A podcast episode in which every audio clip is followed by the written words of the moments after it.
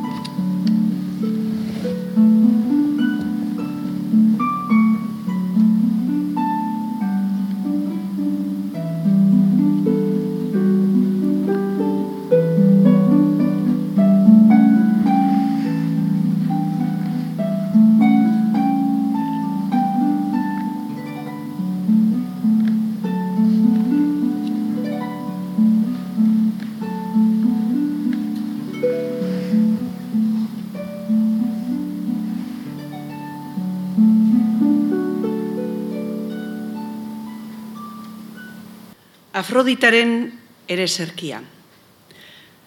Afrodita, ilezkorra, tronua painekoa, zeusen alaba, iruzurre ulea arren, enazazu ni nahi gabe eta estualdien eraginpean jarri oi jainkosa.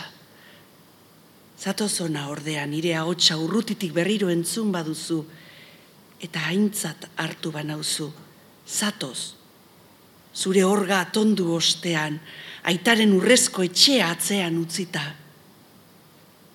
Txolarre ederrek bizkor idatzen zintuzten, lurralde ilunetatik zehar, egatxak zerutik harinki astinduz. Eterra zeharkatu eta berehala iritsi zineten. Eta zuk, ene jainkosa zoriontxua, aurpegi ileskorrean irribarrea erakutsiz zer gertatzen zitzaidan galdetzen zenuen. Zertarako deitzen ote zintudan berriro eta nire izaera kaskarinak zer irrikatzen ote zuen. Zein limurtu behar dut zure maitalea izan dadin, esadazu oizafo nork egiten dizu kalte.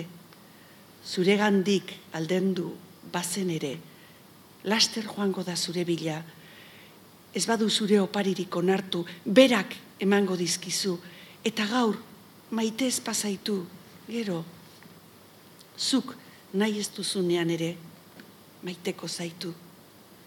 Zatoz nire gana, oraingoan ere, askan azazu nahi gabe latz hauetatik, eta eman nire gogoak desio duena, guda honetan, izan zaitez, zeu nire aliatu.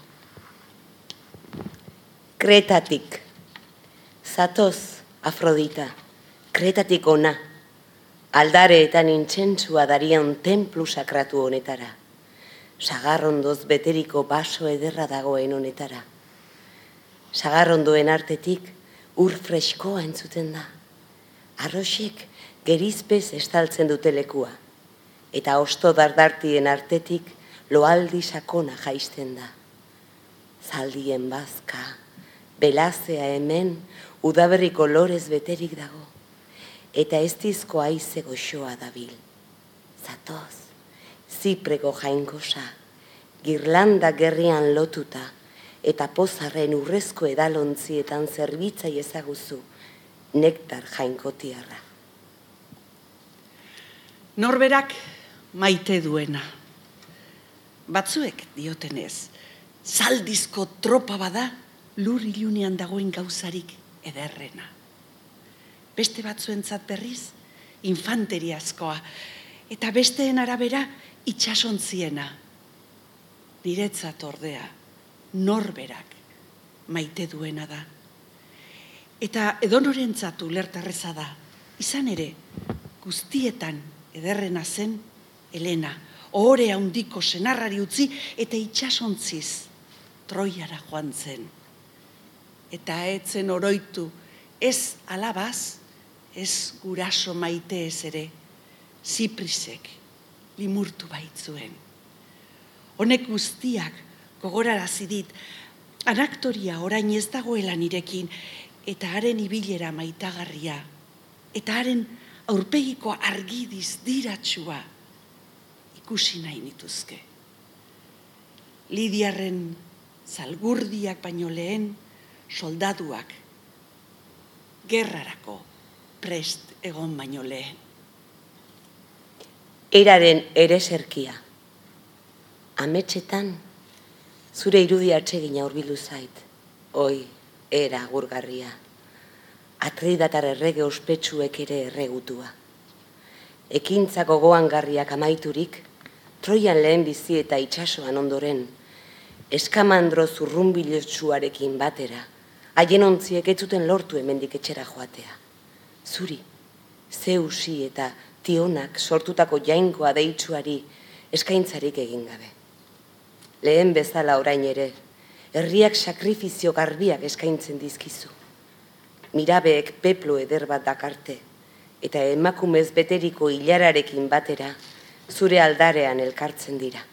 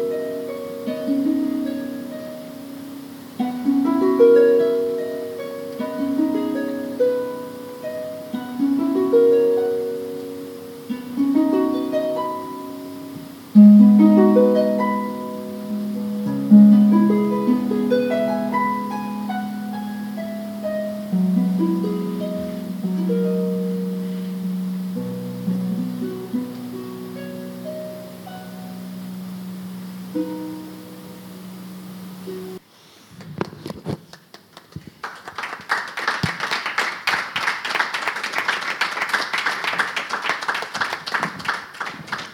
etorriak eta mila esker hemen izateagatik. Safo desio duzuen bezain beste izenburua du gaurko saioak. Eta egia esan e, iazko urtetik ona, ba, esango genuke Euskal irakurleak zorioneko gaudela, Safo euskeraz irakurri dezakegulako. Gaur hemen e, gonbidatu bezala Maite López da zeraz dugu, e, bera da, e, bera izan da Saforen itzulpena egin duena, itzulpenaz gain e, azpimarratuko nuke e, bueno, sarrera eta itzaurre nik uste nahiko kompleto eta osoa idatzi duela. Eta beraz honetaz hitz egingo dugu geroago ze bueno, Saforen poesia nahiko modu fragmentarioan konserbatu da, zenbait poema osori daude, baina zoritxarrez, ba, e, bueno, bere obraren zatirike handiena, ba, ba, askotan pasarte txikiak dira, ez? Berak eh, zehaztuko digu ere ze bilakaera izan zuen e, Saforen poesia, zergatik gertatu den hori, eta bar, eta bar. Orduan, e, bueno, ni azteko Safore buruz hitz egiten dugunean e, klasiko ezari garen ez, e, beti buru etortze zaigu Italo Calvinok e, zuen testu ezagunura, zergatik irakurri klasikoak, eta momentu batean Italo Calvino konela dio gaurkotasunak atzeko zaratatzat baztertzen du klasikoa, baina era berean ezin du zarata hori alde batera utzi. Gaur, esango genuke, atzeko zaratak bildu gaitu hemen, ez? klasiko batek bildu gaitu. Safo klasiko bada, bere olerkiak idatzi zituenetik 2000 eta zazpirun urte inguru igaro dira, baina ere, atzeko zarata horrek bizirik jarraitzen du. Are gehiago, gaur gorko ere badela esan daiteke. Zaizuela iruditzen baite. Bai, bueno, e, kaixo, arratzalde guztioi eta eskerrik asko etortzearren.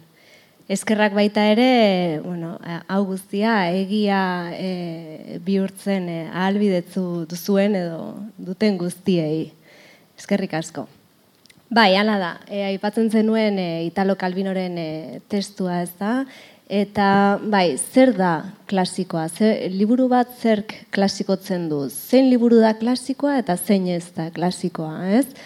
E, bueno, galdera potentea da, eta ez da erantzuteko erresa egia esan. E, e, bueno, esan daiteke, Kalbinok esaten duen moduan, klasikoa dela e, esan behar duena esaten sekula maitzen ez duen liburua, ez?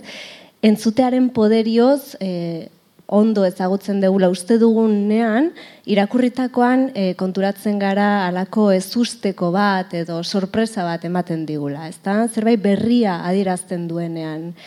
E, klasikoak ez dira irakurri behar zerbait e, irakatsi behar digutela uste dugulako, baizik eta e, bagenekien hori, ohartzen gara klasiko bat irakurtzean, beste norbaitek gu baino lehenago esanazuela hori da klasiko bat. E, klasikoa irakurtzeare, eh, esango nuke, ez dela irakurri behar klasiko bat derrigorrez, edo errespetuagatik. Klasikoa irakurri beharko litzateke maitasunagatik, ez? Eta mailarmek badauka alako liburu totalaren ideiarekin amesten zuen, ez? Eta berarentzako klasikoa zan, esango genuke, e, unibertsoaren e, baliokide gisa konfiguratutako liburu bat, ez? Alako talisman bat edo. E, bueno, izan liteke, ez? Klasiko batek baita ere laguntzen digu nor garen eta noraino iritsi garen e, erakusteko. Ze askotan klasikoak tratatzen ditugu aintzinakotzat edo em, esango genuke aspaldikotzat bezala, baina nik uste den ere uste apalean behintzat esan nahi duen gauza bakarra dela gu beranduago iritsi garela, besterik ez. E, eta klasikoak irakurtzea zerbaitetarako balio duela uste badugu, ba, ez da egokia, ez, irizpide hori ere. Nik uste dut e, egia bakarra dela, beti, hobea dela klasiko bat irakurtzea, ez irakurtzea, baino, ez esango nuke. Eta aipatzen zenuen atzeko zarata horrek, ez, bildu gaituela gaur hemen. Bueno, niri etzai gustatzen asko zarata terminoa. Zaratak beti ere traba egiten digu, ez da? Zarata da handik aldendu nahi dugun zeo zer, ez da? Zerbait iskanbilatsua edo traba egiten diguna. Nahiago dut oi hartzun hitza. Oi hartzuna da bueltan datorren hitza, ez da? Etzulo batean norbaitek zerbait esaten duenean belarria jartzen dugu eta ia zenbat aldiz errepikatzen den, ez da? Esan digun hori. Gehiago gustatzen zait oi hartzun terminoa. Eta Carlos García Gualek badauka alako liburu bat em, oi hartzun luzeko ahotsak edo gazteleraz izango lizateke e, voces de largos ecos edo, ez da? Eta gehiago gustatzen zait, eta kalbinorekin bat egiten du, esaten duenean e, klasiko batek, zerbait berria eman behar digula irakurtzen dugun bakoitzean, ezta? Sorpresa faktore hori. Gero, kalbinoren e, liburua aipatzen zenuena, e, gazteleraz, porke leer los klasikos, ezta? E, azpimarratuko nuke los klasikos maskulinoan jartzen duela berak, Eta ez alperrik, esan nahi dut, berak liburu hortan egiten duena da, bere ustez, klasikoak zer diren definitu, eta gero berarentzako klasikoak diren liburuak bildu, ez da? Alako zerrenda bat edo bilduma bat egiten du. Eta bilduma horretan, justu, e, guztiak dira gizonezkoak. Eta hau nahi nuke azaldu izan ere, e, safori gertatu zaiona hori izan da.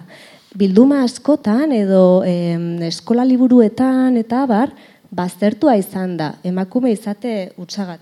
Ez dakiten zuten da, bai? Bale. E, orduan, hori, maskulinoan da gainera, zerrenda bat egitea edo bilduma bat osatzea nahiko arriskutsu eta usarta iruditzen zait, zeia zerrendatze utxak esan nahi duena da beste batzuk baztertzen ari zarela. Ezta? Eta hori, ba, bueno, ba, beti da arriskutsu eta, eta bueno, mugatua, ez? edo mugatzailea. En, klasikoak gaur gaurkoak diren ala ez, esango nuke ezote garen gu atzokoak, edo atzo atzokoak. Ez, uste degulako betire aurreratuago gaudela, eta bar, baina, bueno, e, lehen dik e, landutako edo abestutako kantak, oraindik abesten baldin badira, esango nuke badala e, oraindik hor bizi garelako, ez? Ez tegula aurrera gehiegi ere egin. E, gainera, Safok e, lantzen ditun gaiak badira denboraz gaindiko gaiak, ezta? Beine ez iraungitzen ez direnak. Ba, maitasuna noski, baina baita familia artea, erbestea, em, biografia eta bueno, eta abar gero landuko ditugunak, malenkonia, eriotza eta beste hainbat. E, Aurora Lukek e, gaztelerara itzuli, itzuli duen e, itzultzaileak dio e, Safo oraindik abesten baldin bada dala oraindik balio duen etika eta poetika bat dituelako. Safok berak zaratari ez ez esaten dio, beraz kalbinorekin ere ez litzateke osadoz egongo. E, zaratari ez, baina musikari bai. Zein zarata ez, ba, gerrako zaratari ez, argi eta garbi esan zion. Eta aldiz musikari, lirari eta soinuari, abestiari, oiei bai. Eta hori gutxi balitz, e, bizitzaren erraietara jotzen duelako, dago bizirik gaur egun, Safo. Bai, gero gainera, Saforen e, biografia utxunez eta misterioz beteta dago, egia da ez dugula datu asko ari buruz, eta kontraesanak eta utxuneak ere ez dira gutxi. Safori buruzko kondairerik ere etzaigu falta. Mitilenen jaio zen, erbesteratu egin zuten arrazoi politikoengatik, musen zerbitzarien etxea sortu zuen, Platonek adibidez amargarren musa deitu zuen, baina mende batzu geroago Gregorio Zazpigarren aita santuak haren obra erretzeko agindu zuen. Obidiok fikziozko pertsonaia bihurtu eta leukade izeneko arkaitzetik botata bere buruaz beste egin zuela idatzi zuen, baina badakigu hori ez zela horrela izan. Safo, irurogeita urte ingurukin e, hiltzela bere buruaz beste egin gabe. Nortzen benetan Safo, eh, maite? hartaz esaten direnen artean, badago jakiterik zer den egia eta zer gezurra? A ber, ni neu ez naiz e, ausartzen Saforen biografia bat egitera. Zergatik, e, ari buruz dakiguna bakarrik dakigu mm, iritsi zaizkigun pasartei esker, edo beste idazle, lexiko, lexikografo, gramatikariek, Safori buruz egituzten iruzkinei buruz. Hori bakarrik dakigu. Hortik ge, aurrera asmatzea, gehiegi asmatzea litzateke, bai? Egia da, e, badirudiela, saforen patua beti izan dela mitoaren eta errealitatearen artean aurrera egitea. Mm, Safo gehien bat berreskuratu zen errenazimendu garaian, bai? E, eta, bueno, asko gustatzen zait anekdota moduan, e, Monik Wittin eta Sande Zeihek badute alako liburu bat, e, bueno, euskeraz izango litzateke itzulpena amoranten iztegi baterako zirriborroa edo alakon bat, eta e, justu Saforen biografiari buruz, e, buruzko atala da horri zuri bat. Eta nik uste dut hori dela egia bakarra, bai? Ez dakigulako benetan zein izan zan edo zein etzan izan, bai? E, asko mitifikatu da, batez ere garaian garaiko politikaren arabera. E, adibidez, Taziano izeneko e, idazle kristauak e, zuen argi eta garbi, ba, Safo izan zala ninfomana bat, prostituta bat, E, eta bueno, eta baita ere esan izan da ari buruz, e, emakumea paisa izan zala, eta e, e, ba, bueno, itxuzia ere, bai bere itxustasunari buruz ere asko jardun da, ez dakit zergatik, ze horrek, bueno, itxuzia oso subjetiboa da, ez da? eta gainera, ba, ez dakit zertan oinarrituta. E, baina, ba, zeuden beste egile batzuk, adiz Platon, Platon filosofoa etzen e, Saforen garaikidea noski izan zen bi mende beranduagokoa, eh? eta Atenaskoa. Baina Platonek izendatu zuen e, jakintzu bezala, amargarren musa bezala. E, altzeo bai, altzeo poeta izan zen Saforen garaikidea eta arek e, ohoratu egiten zuen Safo eta esaten zuen bai irribarre estikoa zala, e, bioletazko adatsak zituen e, eolako izaki jainkotiarra, eta bar, galeano e, kristondorengo bigarren mendeko mediku batek ere safo gora ipatzen du, e, Ezra Pound, estatu batu idazleak adibidez e, poesiaren muinean kokatzen du safo, katulorekin eta beste batekin batera, eta ipatu duzun obidiok ere bere amabosgarren eroidan, e, bueno, ba, zaforen suizidioa edo asmatzen du, ezta? E, leukadetik bere buruaz beste egin zuela, faon izeneko gizon batek, ba, bueno, batzuelako maite, ez? Baina hori beti ere mitoan gelditzen da, ez dakigu hori benetan alaltzan. Gero dago beste gai bat, eta da, zaforen gaia deitzen dena, E, eta, bueno, hau aleman filologoek asmatu zuten, Safo Frash edo, bueno, ez dakit nola ahoskatzen dan, baina eufemismo bat da. Eta asko gustatzen zait Juan Manuel Maciasek laburtzen du eta esaten du zer da Saforen gaia da e, ze genero gramatikalekin oheratzen zen Safo. Eta horretan jardun dute hainbat filologo eta jakintzu eta eta hainbat ikertzaileek, ezta? beste zereginik eukiko espalute bezala. Fernandez Galiano e, eleristak, ba, esaten du, bueno, e, saforena daukaguna hoxe da. Aratago joatea, zientzia fikzioa da. Eta erabat ados nago.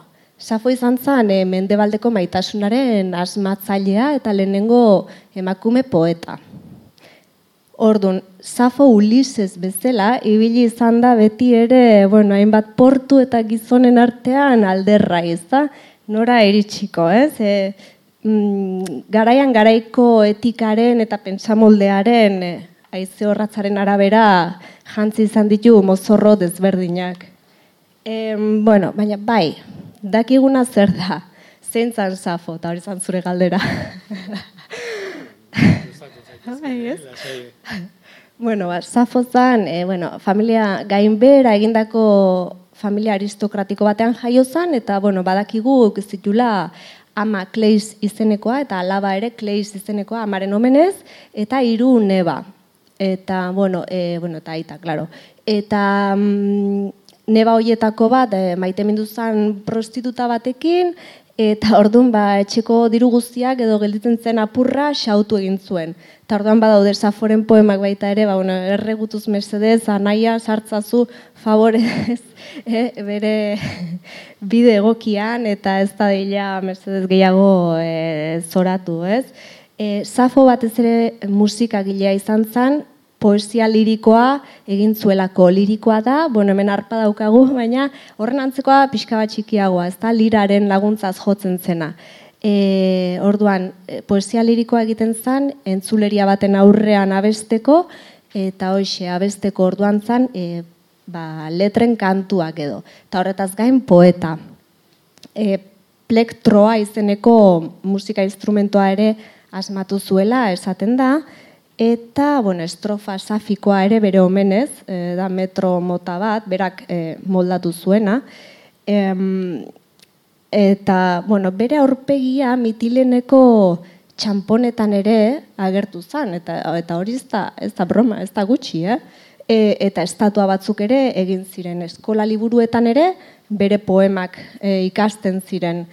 E, noiz hiltzan ez dakigu edo, nik behintzat ez dakit. Eta, bueno, Alejandriarre filologoek bederatzi liburutan banatu zutenaren obra, bakoitza ba, metro, erabilitako metroaren arabera zailkatuta. Baina iritsi zaiguna da hortxe daukagun e, liburua berreun bat pasartetxo. Ba, Safok hizkuntzaren gorputza, barkatuko Safok gorputzaren hizkuntza menderatzen zuen, eta emakumei eta beren sexualitateari buruz hitz egite zuen modu askean. Hori dela eta arrangura ez nola nahikoa eragin zuen bere garaikide eta ez horrek garaikideen artean. asaldatu zituen akademia munduko jendeak, eta ondorioz, oin aipatu bezala, sasi biografia harrigarri eta pozoitsu bat leporatu zioten. Jasan ezina zitzaien nonbait, emakume batek gai hoiei buruz, hain goi mailako literatura egitea, hain modu irekian gainera. Bai, eta ni gainera zehaztuko nuke ez akademia munduko e, jendea, baizik eta akademia munduko gizonak. Bai, e, ez dakipa, ba, ikusten zuten alako mehatxu bat edo ba, emakume batek ze, klaro, e, kokatzen gara e, Grezia arkaikoan, bai, Kristo horreko zazpi garren mende amaieran, zeigarrenaren hasieran. Emakumea zegoen oroar e, lotuta, ba hori ba, aitaren, e, senarraren edo nebaren, menpekotasunera. Ordun, alako modu askean, hain ondo eta hain zabal e, idatzi eta konposatzeak alako gorroto edo e, zin ikusi bat sortu izan du mendetan zehar, ez? Adibidez lehen esan dugu, Gregorio Zazpigarrena eta santuak, bueno, santuak edo, em, erre arazi egin zituen Saforen poemak bekatuzkotzat eta inmoraltzat hartu zituelako. Bueno, orduan, e, claro, e, Safok erakutsi zuen ausardiaren gatik zori gaiztoko erakutsi beharra zegoen. E, baina ederki konposatu zituen desioaren taupadak. E, Saforen suizidioaren lehen esan deguna adibidez, e, mm, zerbait ezigarria izan zen, alegia, e, nola izaletike posible emakume bat, ez? E, hain aske eta e, hain idazle on izatea. Ba, akabatu beharra zegoen nola edo ala eta orduan mitifikatu, ezta? E, asko gustatzen Mari Bird, e, filologoak esaten duena, ezta? Eta da, e, jokoan dagoena ez da inbeste mintzagaia alegia lesbianismoa, adibidez e, baizik eta ahotsa dela emakumearena. Eta hor dago arazoa. Saforentzako e, maitasuna edo erosa zan e, piztia gazimin gotza. Bai, gorputza darrak suntzitzen zituena. E, bera izan zan e, aurrekaria esango genuke maitasuna definitzen eta haren ondorio edo sintoma fisikoak e, munduaren ikus moldea, saforena, esaten zuen, ederrena zela norberak maite duena. Bai, garai hartan epika zen literaturaren alor nagusiena. Epika da gerra, da borroka, da gizonak. Ba, berak esaten du, ez, niretzako da norberak maite duena. Eta aske esan zuen, eta hori azkenean iraultza bat da. Em, Baina maitasuna, bai, iritsi zaizkigun pasartetan maitasuna da gailentzen den gaia, baina ez da bakarra. E, adibidez, natura, gizakiarekin duen harremana, familia, eta abar. E, eta, bueno, maitasunaren emozio fisikoa ere deskribatzen du. Aintzina eta etortze zegoenean burura, jada amaitutako garai bat imaginatzen dugu, ez? Itxia dagoen epealdi bat. Grezia arkaiko poeta lirikoen lanak zatika iritsi zaizkigu, gramatikari eta lexikografioen zeharkako aipamenen bitartez, edo Egiptoko ondarretatik berreskuratutako papiro auskorrei esker. Adibide bat jartzearen, badakigu eskilok, larogeita mar tragedia inguru idatzi zituela, baina zazpi baina ez ezkigu osorik heldu. Saforen kasuan, haren poemak biltzeko eta identifikatzeko prozesu luzea eta korapilatxoa izan da, eta gainera oraindik ez dago itxita. Hori da, eta, eta hori da ona, ez? Ez dagoela itxita oraindik. E, epeak ez dira berez izten, esan nahi dut, epeak gizakiok izten ditugu, ba, kaosetik alden du eta historiako urrenkera bat edukitzeak e, eh, alako baretasun bat ematen digulakoan, ezta? Em, emeretzi garren mendetik aurrera hasi ziren Saforen poemak agertzen. Agertu ziren batez ere, bueno, Egipton, Oxirrinko eta Elfaium izeneko zabortegietatik. Eta baita, e, ba, bueno, normalean... E, gorpuak momifikatzeko lioa erabiltzen zen, baina familia txiroek ezin zuten lioa ordaindu, beraz erabiltzen zituzten papiro puxketak eta bueno, eskura zeukatena, ezta? Eta horrela berreskuratu dira Saforen poema asko.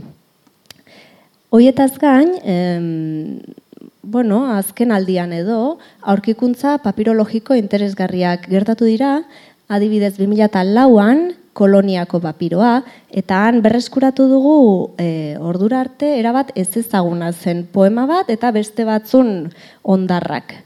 Eta gero 2008an obink izeneko beste papiro bat, eta han ere bueno, e, bi poema erabat berri eta beste bat osatzeko hasiera eta beste zatitxo batzuk agertu dira. Ordun, edo zein aurkikuntza txikia izan arren, hau da, hitz bat baldin bada ere, edo hitz baten pusketa bat, beti izango da argia. Eta beti e, erakutsiko digute e, ba, Saforen poemen e, garrantzia, ezta? E, gainera, Safok bazeukan susmoa bere kantua luzaroan entzungo zela, pieriako arrozen partaide zelako. Asko dira aintzinatetik heldu zaizkigun emakumezko pertsonaiak, adibidez Antigona, Medea, Elektra, Ifigenia, Elena, Cassandra, Bakanteak, Erregutzaileak, Troiarrak, baina denak gizonen irudimenetik atera ziren. Safo, salbu espen aparta da arlorretan, emakume baten, zango nuke, emakume baten benetako ahots batek bere desioa adierazten baitu inolako bitartekari maskulinorik gabe. Saforen hitza beste inork berregin gabe datorkigu. Bueno, neri ez zaizkit izen asko iruditzen, eh? Konparatuta gizonezkoen zenbat e, testu dauzkagun, emakumezkoen izenak ez dira asko, nere ustez. Eta gainera, azpimarratuko nuke, e, emakumezkoen izen horiek aipatu juzunak direla tragedietako protagonistak. Eta azpimarratuko dut, tragedietako protagonistak bai, e, Kuba, Elektra, Algmena eta abar. E, karo, eta tragedia guztiak idatzi dituzte gizonak, Eskilo, Sofokles, Euripides, horrek zer esan nahi du? Ba, gizon batek, e, e, ezin du jakin emakume batek zer sentitzen duen egoera tragiko batean, esate baterako, medea, ez da? Medeak e, jasonekin eukizitun bizeme, bai, mermeroz eta ferez. Eta sakrifikatu egin zituen, edo, bueno, hile egin zituen, e, izan ere jasonek abandonatu egin zituen e, em, kolkideko erregearen alabarekin ezkontzeko. Orduan, klaro, Euripidesen ahotik badirudi ba medeak jeloskor bere semeak hil zituela eta holako sorgina edo aztia edo zela, ezta? Baina nola ulertuko du gizon batek, nola ulertezak Euripidesek e, ama batek bere semeak akabatzeko zenbat sufritu behar izan duen eta zenbat sufritzeko geratzen zaion hil arte. Beste adibide bat, Elena. Elena, Espartako Elena, adibidez, em, Homerok, ezta? Troiako gerraren kasus belitzat. Jartzen do da Troiako gerraren arrazoia zan Elena ezta emakume bat. Bueno, e, baina Safok bere poeman, adibidez Safok emakume batek, e, Elena irudikatzen du emakume desiratu eta desiratzaile moduan, alegia bere etxea, bere familia, bere guztia uzten du atzean berak nahi duelako, maitasunagatik. Ordun, Saforen kantuak em, esteiak ospatzen ditu, bai? Ez amatasuna, bikote baten eh, harremanaren plazera ospatzen du. Ez ugalkortasuna. Ejertzituen ordez, Safok nahiago du anaktoriaren aurpegia ikustea. Eta berak, Safok, bazekien gaur, berataz arituko ginela.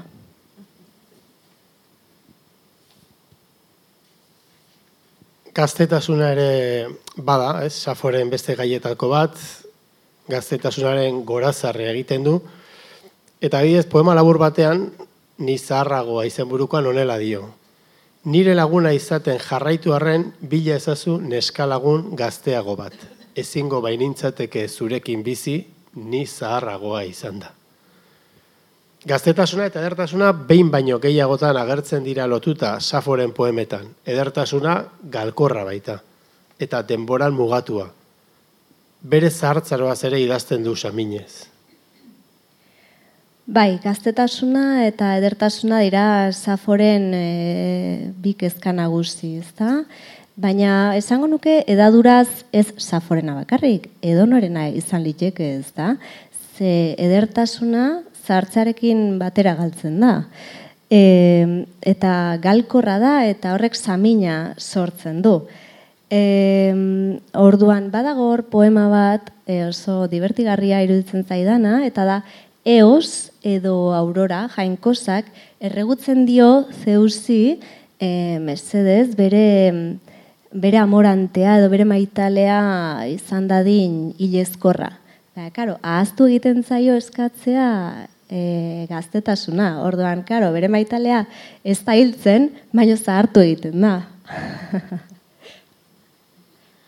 bueno, nik uste galdezga, eta erantzun, galde erantzun jarraitu genezakela luzaroan, nik uste gutxi gora bera Saforen profil nahiko zabal bat e, zabal eta osatu egin dezula, baite.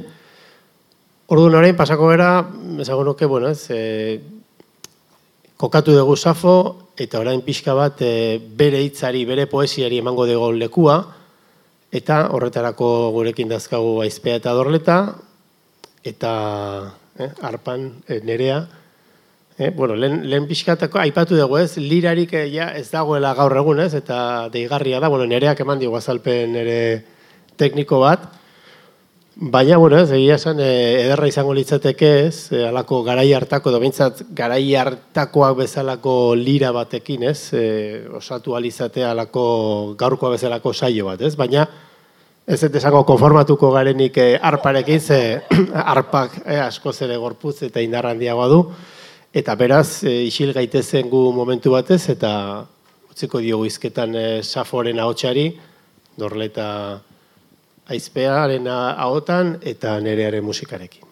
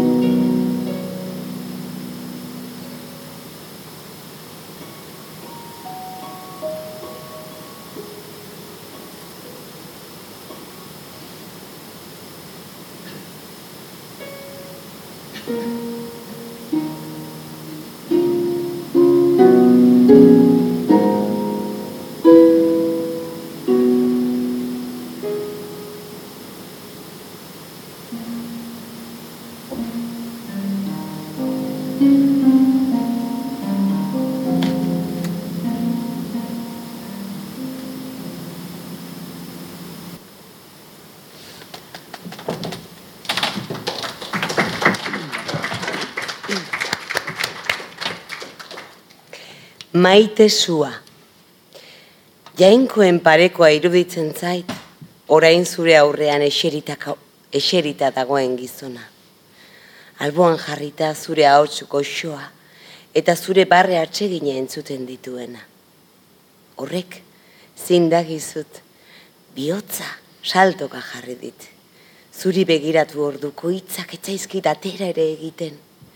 Mingaina, bizigabe geratzen zait. Sume bat jario da harin, nire azalazpitik. Begietatik ez dute zer ikusten, eta burrumba bat besterik ez duten zuten. Izer diotza darit. Dardara batek harrapatzen nau, lasto horia bezala nago, eta eriotza hurbil sumatzen dut. Baina guztia jasan beharko da, zeren ezer ez duenak ere.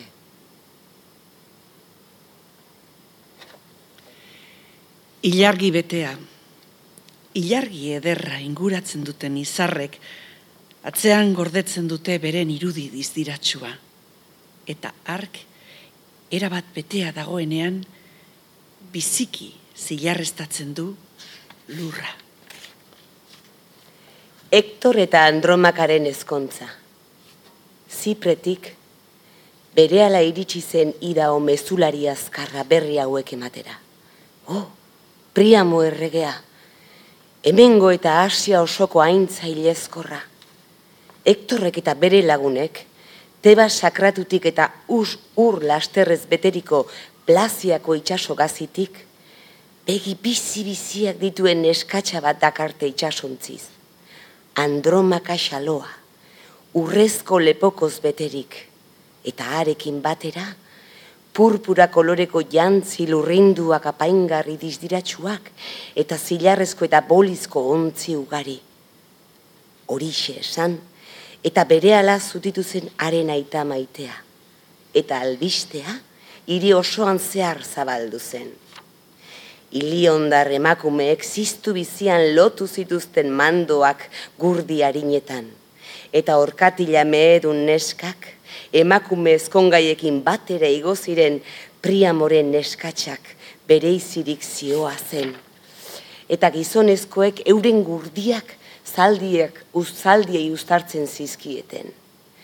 Soinu gozoko xirula, zitararekin eta krotaloen burrumbarekin nahasten zen.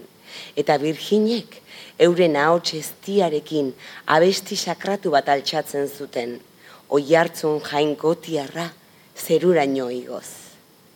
Non nahi zeuden kopak eta edalontziak, mirra, kanela eta intzentsuaren usaiak nahasten ziren. Atxoek eskerronak postez gainezka oiukatzen zituzten. Eta gizon guztiek aldi berean ozenki abesten zioten lire ederreko peo gezi jaurtitzaileari babeseske. Eta ere serkiekin ospatzen zuten, Hector eta Andromakaren zoriona, bi haiek jainkoekin parekatuz. Maitasunaren indarkeria. Maitasunak barrerenak astindu dizkit, mendian aizeak artei erasaten dien bezala. Barne edertasuna. Ederra beti eder begiratzen duenarentzat. Ona dena ordea, bapatean eder bihurtzen da. Ez baian. Ez dakit zer egin biren artean nago. Maitasunari, badator eros zerutik, purpura koloreko kapaz estalia. Pieriako arrosak, lurpean hilda egongo zara, eta ez da sekula, zure oroitzapenik egongo, ez orain, ez gero. Izan ere, etzara, pieriako arrosen partaide, adesen etxean ere, ikuste zin. Itzala uso beldurgarrien artean ikaraturik, nora ezean, ibiliko zara. Zuri ez dizutuko egingo. Zure aldetik, Mika, ez da bidezkoa. Baina nik ez dizut zuri uko egingo. pentiliden maitasuna aukeratu duzu, izaera txarreko neska. Guk ordea, kantu goxo bat, ez dizko soinua, haize txistulariak, intzez bustia. Memoriaren doaiak, benetan hilda, egon nahi nuke, neska hura negarrez urrundu zen nigandik, eta etengabe errepikatzen zidan, haien ez afozelako bihotz minak eurea, nahi gabe noa zure albotik. Orduan, nik erantzunion, ez zaitez nitaz aztu, eta zoaz pozik, badakizu zenbat maite izan zaitudan. Eta bestela, antzi ez ditzazun, kogora ekarri nahi dizkitzut, pion bizipen ederraiek. Arrosa, azafrai eta bioletazko hainbat koroa jazten zenituenan nire ondoan. Zure lepo leuna zeuk txirikordaturiko usaingo xoko girlanda loretsu zinguratzen zenuen. Ondoren, araka eta jasmin olioz lurrintzen zinen. Eta hoe bigunean etzan da, enen eskatsa gozoa zure tesira asetzen zenuen, eta ez zegoen ez templurik, ez baso sakraturik, nirekin bisitatu nahi etzenukeenik. Klei. Nita zerditu zen akzionez, bere gaztaroan, etzegoen begizta gorriz loturiko txirikordak zeramatzan neska baino ederragorik. Eta benetan, apaingarri ederra omentzen. Baina zure hilea, argi zuzia baino horiagoa denez, hobeda lore freskoz egindako koroaz soilik apaintzea. Orain dela gutxi ordea, Klaiz, sardesko diadema kolorean iztuna. Nik ezin dizut lortu, Klaiz, diadema kolorean iztunik orain. Non lordezaket? Nitilenetarrari agian? Erbesteak, oroitzapen hauek dakartza. Kleana tiden eskutik izugarrizko galera gertatu ziren. Txitsarra. Sugarrak lurraren gainetik egan eginez, guztia lehortzen duenean, txitsarrak kantu gozoa barraiatzen du, egoen azpitik. Sagar ahaztua. Adarrik altuenean gorritzen den sagar gozoa bezala, puntarik altuenean altuena, usta bilatzaileentzat ahaztuena. Ez da ordea, ahaztu egintzaielako. Eskuratu ezin dutelako baizik. Afroditaren ordainsaria. Zenargai zoriontxua azkenean bete da horren beste erregutzen zenuen eskontza, hor daukazu, desio zenuen emazte gaia itxuraz polita zara, baina haren begiak ez dia bezain gozoak dira, eta maitasuna isurtzen zaio aurpegi maitean. Afroditak modu paregabean ohoratu zaitu. Ni zaharragoa. Nire laguna izaten jarraitu arren, bilezazun eskalagun gazteago bat. Ezingo bainintzateke zurekin bizi, ni zaharragoa izan da. Neskatxa baten bularrean, neska lagun samur baten bularrean lotan. Gozoa eta mingotsa. Berriro astindu nau maitasunak. Piztia gazigozu garaitezinak nigan pentsatzea gorrotagarria egin zaizunez gero atiz, Andromedaren ganazoaz, egan. Ene, Kleis. Neskatza eder bat daukat, urrezko loreak bezain ederra, enekleiz maitea. Ez nuke nik Lidia osoaren truke ez da desiragarria den beste zeren truke aldatuko. Urretxindorra. Txorrotxio liluragarriko urretxindorra. Udaberriaren lehen iragarlea. Elkarrizketa. Zerbait esan nahi dizut, lotxak ez dituzten ordea. Ontasun eta edertasun grina izango bazenu, eta zerbait gaiztoak mingaina astinduko ez balizu. Etzenuke begi artean lotxarik izango, eta garbi azalduko zenuke. Uste dut norbait gutaz gogoratuko dela oraindik. Musen zerbitzarien etxea. Ez da egokia. Musen zerbitzarien etxean atxekabe doinuak egotea. Ez baitzagu hori inola ere komeni. Saforen aholkua.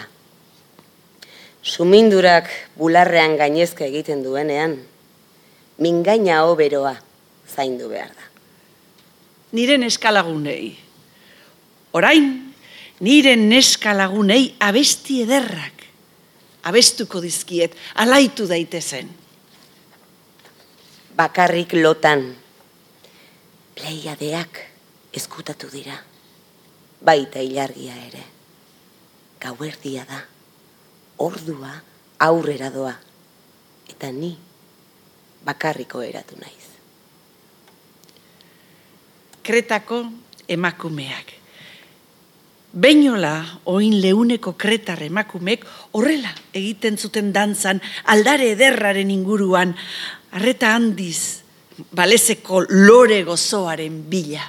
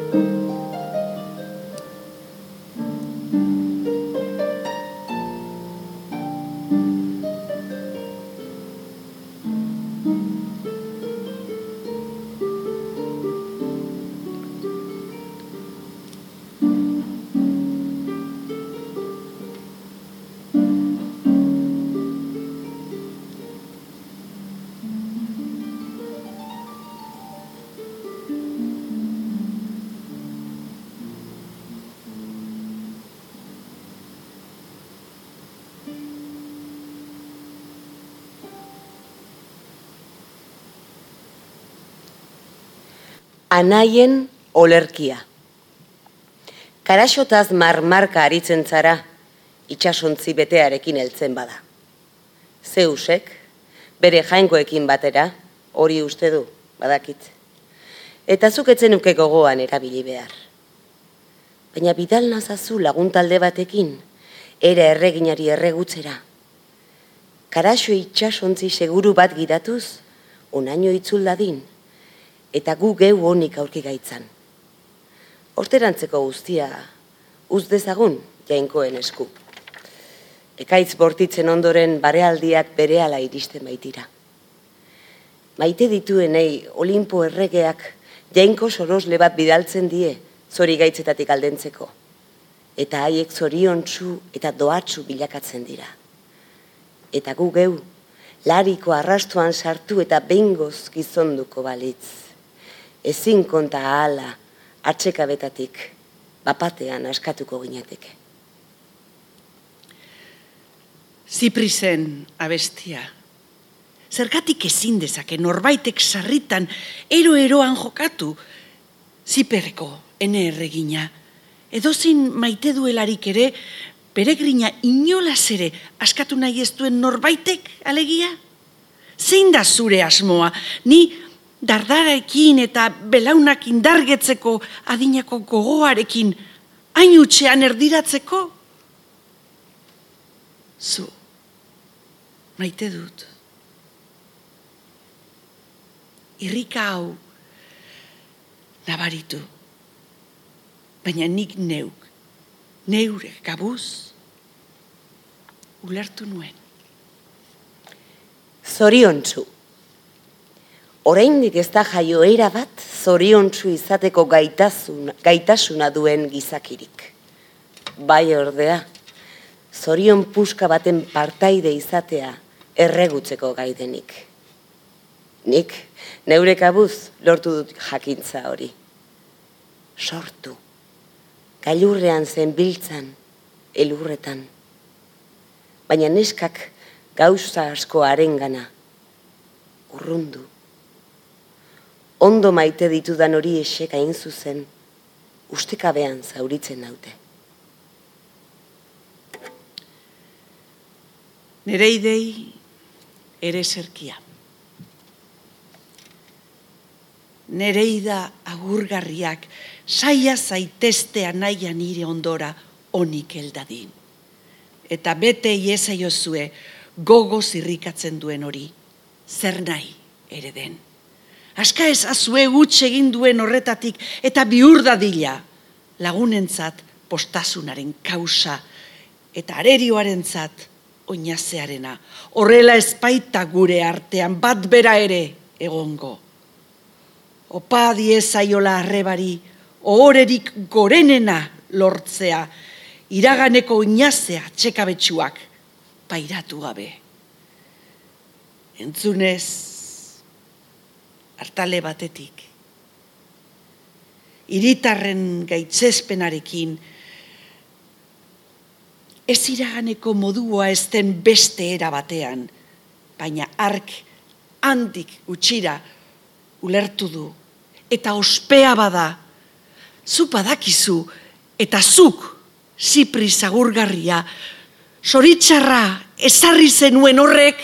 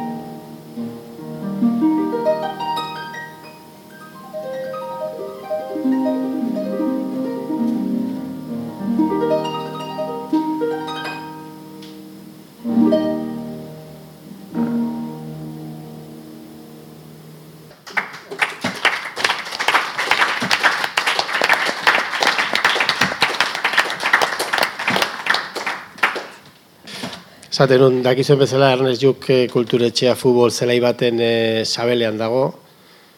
Laro, eta mar minutukoak izaten dira futbol partidak, azte lenean, azte hartetan, batzutan azte azkenetan, ostegunetan.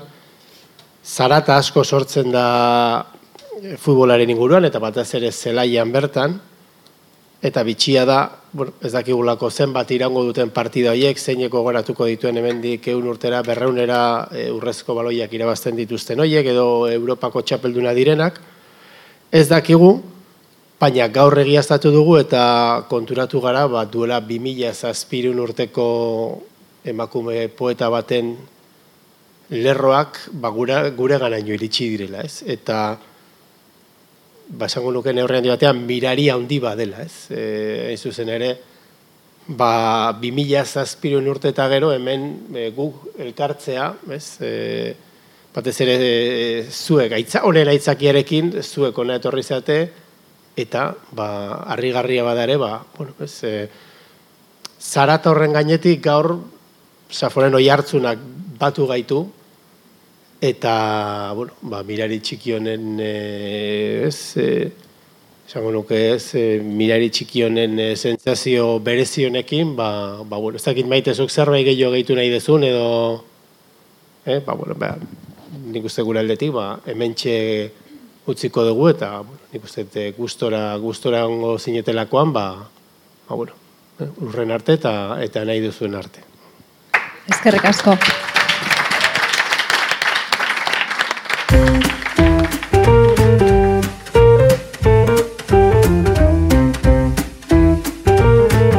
Donostia Kultura Irratiaren podcasta.